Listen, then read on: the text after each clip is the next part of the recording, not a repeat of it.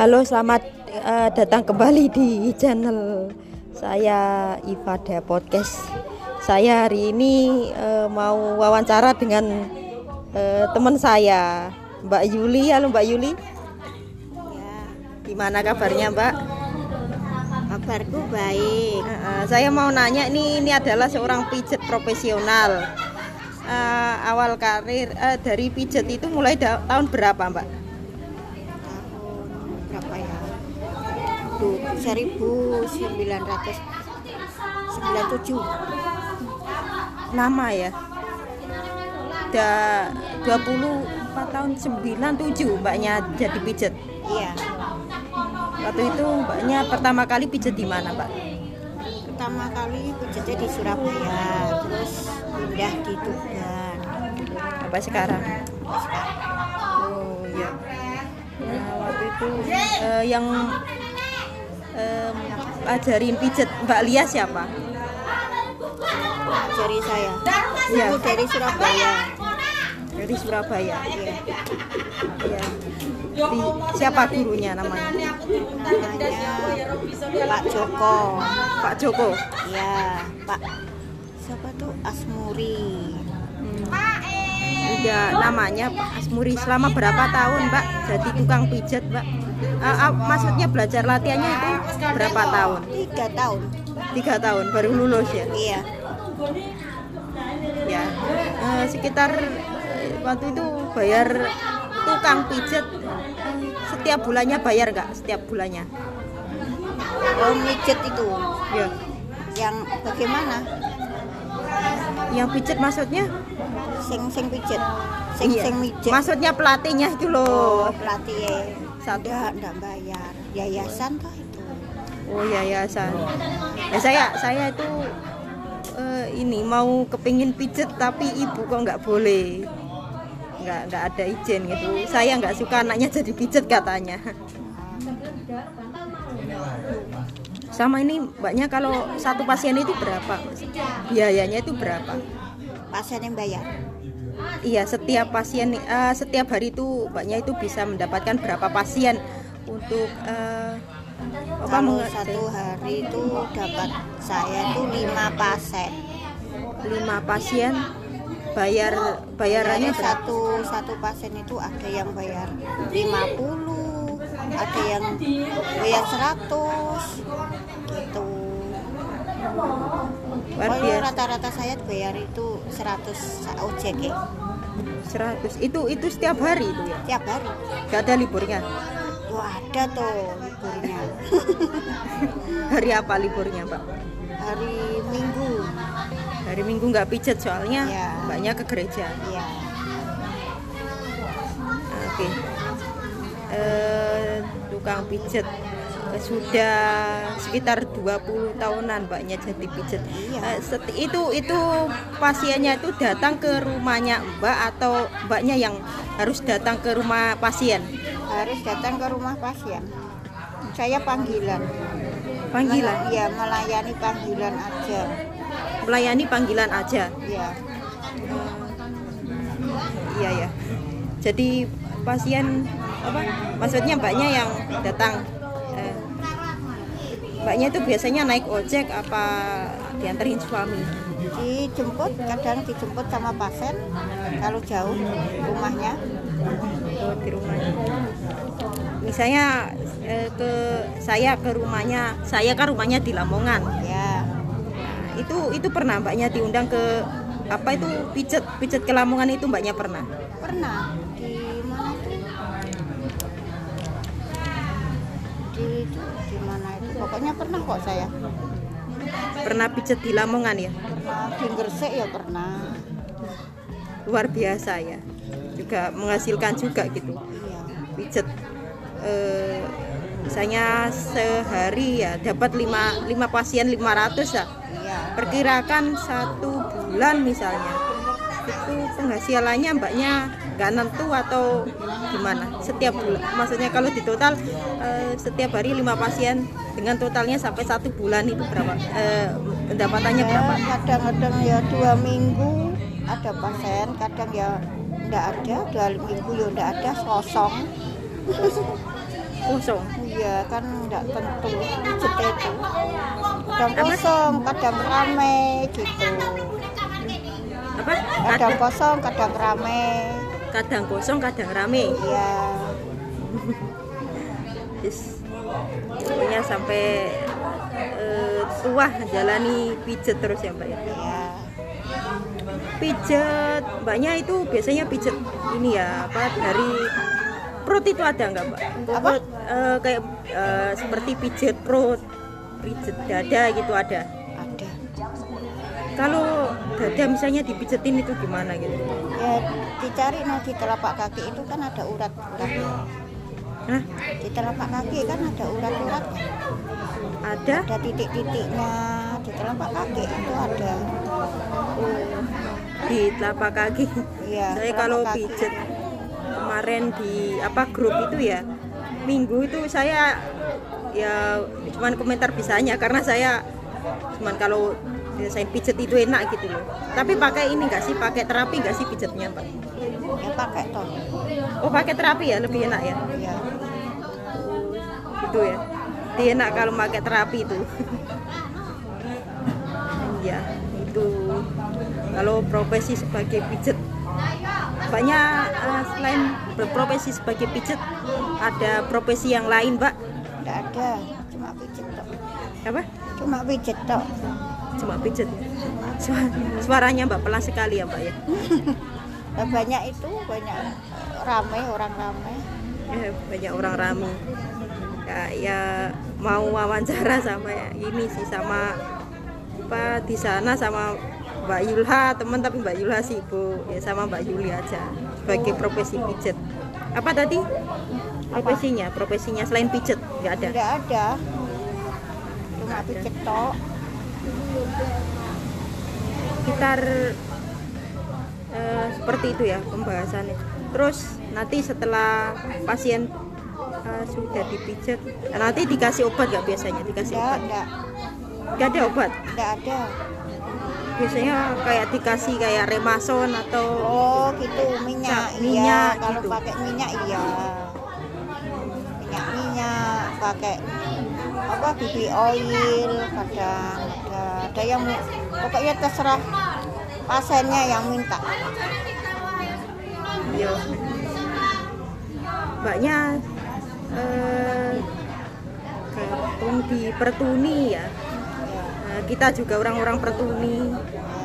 Eh, pertama kali atau baru ini, baru eh, eh, dipimpin sama Pak Kandi ini, baru gabung ini atau Enggak, kapan? sudah lama Ya maksudnya grup WA, punya grup WA. grup WA. Iya. ya sudah ada tiga tahun ini bang Apa? tiga tahun Tiga tahun ini gabung di grup Pertuni. grup WA toh grup Pertuni. Tapi mbaknya kok jarang ini apa jarang komen gitu. Maksudnya kalau misalnya eh, Seninnya itu ada pelatih apa Braille, terus Kamisnya itu ada apa ya itu? Kamisnya itu apa? OM, OM. maaf. Terus Minggu nih pijet, pijet. citurat Ya, mbaknya kok jarang eh, nongol. enggak Apa? saya enggak Enggak pernah? enggak pernah Gak pernah. saya kan sudah hafal semua saya di kalau yang dibuat ngobrol itu ada nggak sih grup? Katanya ada grup cangkruan kopi itu ya buat ngobrol itu ya? Ya katanya ada. Tapi saya enggak ikut toh cangkruan kopi itu yang cowok-cowok apa cowok cewek sih? Cowok cewek sama. Yang gabung di cangkruan kopi itu? Iya. Ya seperti itu saya. Iya. Eh, wawancara iya. sama Mbak Yuli. Ya selama ini sih pengennya wawancara gitu loh. Iya iya. Mbaknya waktu itu dari tunanetra kalau saya sejak lahir tunanetra kalau mbaknya eh, mulai dari usia berapa atau sejak lahir sudah tunanetra? Kalau saya ini tunanetra saya ini ya umur 4 tahun mau TK umur mau TK ya awalnya gimana ceritanya? Dulunya itu saya ini panas. Ya. terus akhirnya itu diperiksakan di rumah sakit di eh bukan rumah sakit di dokter praktek Hmm. ibu saya. Terus saya ini disuntik pak. Suntik obat dosisnya tinggi terus masuk di privat. Jadi tidak kelihatan itu jantung tunanetra saya Jadi nggak kelihatan iya antara. Tapi sebelumnya sebelum panas kayak dua tahun itu masih bisa lihat. Bisa satu tahun sampai tiga tahun bisa lihat empat tahun masih bisa. Terus akhirnya saya panas terus disuntik obat terus akhirnya saya tidak bisa lihat itu. Dioperasi sudah dioperasi dua kali tiga kali nggak ada hasilnya. Nihil.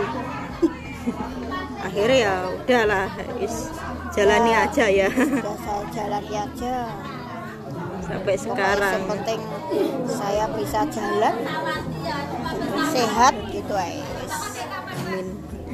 Mbaknya waktu itu SSD di SDLB negeri, terus SMP-nya pindah nggak? SMP-nya di mana? SMP-nya itu di Surabaya di YPAB Surabaya BAB. ya Surabaya Teg YPAB Tegal Sari SMA-nya saya nggak sampai SMA cuman SMP aja. SMP aja. Itu itu yang di SMP itu di mana? Di Surabaya tadi itu itu SDLB atau SD biasa itu? YPAB itu SMP LB SMP LB ke Surabaya sana. ya negeri Oh, jadi selama tiga tahun habis itu ya ngapain nggak SMA gitu? enggak saya enggak di SMA Nggak masuk. saya di Solo ya kursus widget itu di Solo Ya. Terus Habis itu langsung kursus ya di Iya. Solo itu. iya Oke. Terima kasih ya Mbak ya. iya sama-sama Ini acaranya sebelum belum mulai ya. itu mau dimulai tuh sama Mbak Ririn dong Sama Mbak Ririn. ya coba Mbak Ririn teman tunanetra. iya tuh Mbak Ririn tuh ya pijet sama teman saya itu akrab sama Apa? teman saya itu akrab Teman temannya Mbak Ririn ya. Udah berapa lama temenan sama Mbak Ririn? ya berapa ya lima tahun atau enam tahun baru kok Baru. iya kan Mbak Ririn kan baru masuk Iya, pas eh, dulu latihan sama kita pegangnya pegang tamborin ya. Pegang tamborin terus pianonya itu siapa namanya? nggak tahu ya kurang tahu saya maaf Saya yang Mbak Lia, Mbak Lia, Mbak Lia. ya itu Mbak Lia Ya, tapi tadi tak tanya kok katanya masih belajar. Di mana itu, Mbak? siapa Mbak Lia. Mbak Lia tuh belakang kamu Iya, katanya ditanya tadi masih belajar. Ya Tapi udah tampil di panggung-panggung. iya. Jadi udah lama dia dia mangi jarang main piano kan. iya. Gitu ya. Sekarang mbaknya eh, di rumah itu selain pijet masak bisa mbak? Bisa. Nyuci nyuci nyuci? Bisa. Bisa semua? Bisa semua. Kalau ada apa itu ada lantai-lantai yang kotor itu gimana? Ya tak sapu no. Terus dipel iya. Dipel. kalau baca braille sudah bisa mbak? Sudah udah lancar. Udah lancar semua ya mbak? Alhamdulillah. Tapi kok nggak ada injil di rumah? Udah apa? Enggak nggak dikasih injil? Enggak enggak dikasih. Oh. emangnya nggak ada atau gimana? Memangnya gereja tidak mengadakan itu? Semua khusus umum ya orang ya orang awas gitu. Iya awas semua. Sing tunanetra cuma satu saya aja. Udah tua lah. Tapi kayak ini apa kayak tadi saya dengar Mbak Yulha itu teman kami yang bisa nyanyi itu suaranya kok masih muda masih semangat gitu. Iya udah masih udah ini padahal udah 40-an masih semangat. Iya. Gimana gitu padahal kalau udah 40-an itu suaranya udah kedengeran lebih tua gitu loh ada ada yang lebih tua ada yang suaranya udah kedengeran tua ada yang enggak ya tergantung orangnya ya. Iya.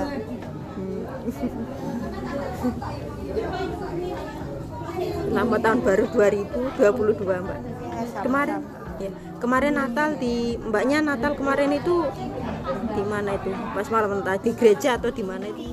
Di rumah. Ya kalau Natal ya di rumah-rumah, tiap rumah-rumah. Di gereja nggak ngadakan soalnya corona, covid. covid Ya, udah lama covid ya Ya, iya. udah sampai sekarang udah dua tahun Udah ada mau tiga tahun toh, A- apa dua tahun atau tiga tahun? ya udah dua tahun dua tahun Dua tahun. hampir dua tahun Iya. kan di Indonesia mulai covid itu 2020 mbak Ya, jadi sudah dua tahun ya. Selama, selama dua tahun. Ya nggak bisa ngapa-ngapain gitu. Tapi tapi setiap minggunya masih di gereja mbak Iya, masih di gereja cuma satu jam, satu jam. Tidak bisa lama. Eh, mbaknya ini kan agama agama yang berbeda ya. Kita harus menghormati. Mbak saya saya penasaran nih mbak. Saya belum pernah apa ngobrol sama orang Kristen mbak gitu. Ya, penasaran aja gitu. Du- apa-apa, saya senang kok. apa? Tidak apa-apa, saya senang. ya dulu itu kalau eh, eh, sebelum corona itu berapa jam sih mbak di gereja itu baru eh, jamaahnya itu pulang gitu loh Dua jam, dua jam antara jam 8 saja 10 jam dua jam delapan sampai sepuluh. Sekarang jam delapan sampai sembilan. Oh, ya.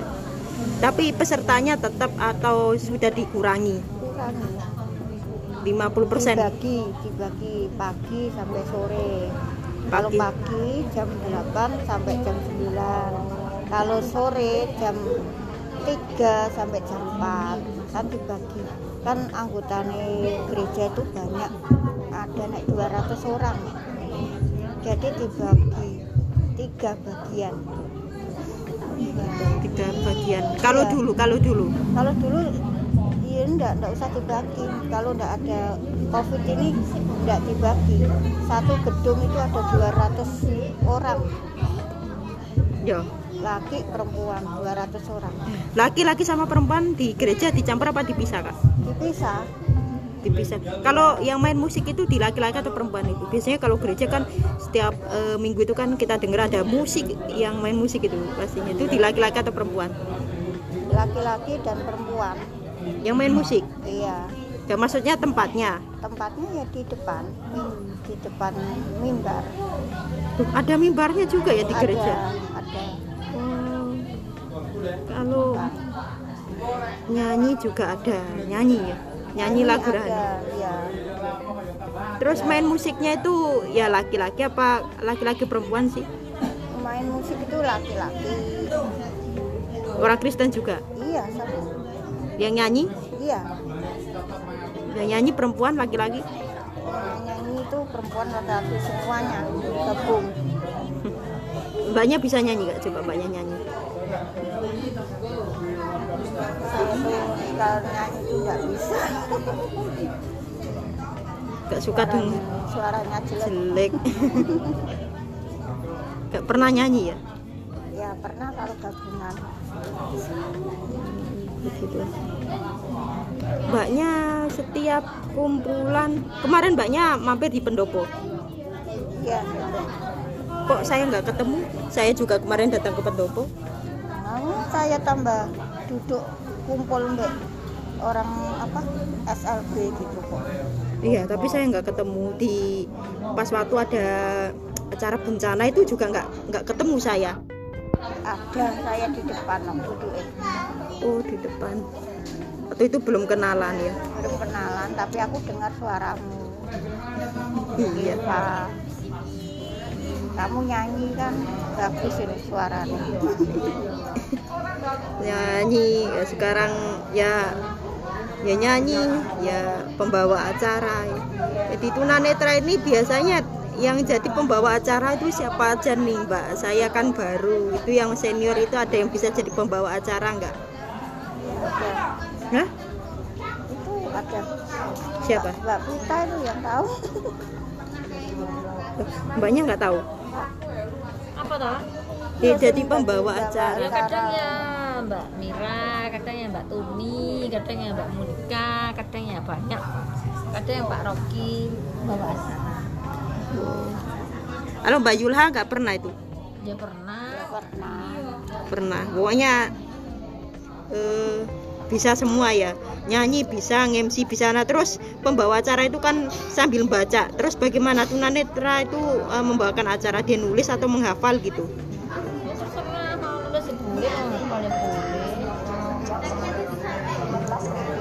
Mbak. Mbak. Apa? Mbak Yuli itu kan HP-nya bisa bunyi itu mbak? Ya itu mereknya apa sih mbak itu? Eh, kalau HP saya alarm kalau bunyi pun saya nggak tertarik apa bikin alarm takutnya gimana. Kalau nggak bikin ala kalau bikin alarm juga saya males. Nggak bikin alarm juga saya males gitu loh. Ya ini di, sudah sudah dipasang sama Mas Bambang Pak Bambang. Diberi jam kalau jam sekian tahu jam ini tahu. Pak Di ya? Pak Di terima kasih ya mbak ya sama-sama. Oke terima kasih semua yang sudah mendengarkan podcast saya eh, di episode yang ke-50 saya tadi baru saja wawancara Mbak Mbak Yuli sama Mbak Pita. Terima kasih yang sudah mendengarkan Ifada Podcast. Jangan lupa eh, share ke grup-grup kalian supaya eh, eh, mereka menikmati konten-konten saya, konten-konten saya yang seru ini dan jangan lupa follow Instagram saya di @iva197b. Terima kasih yang sudah mendengarkan. Sampai ketemu lagi di episode berikutnya.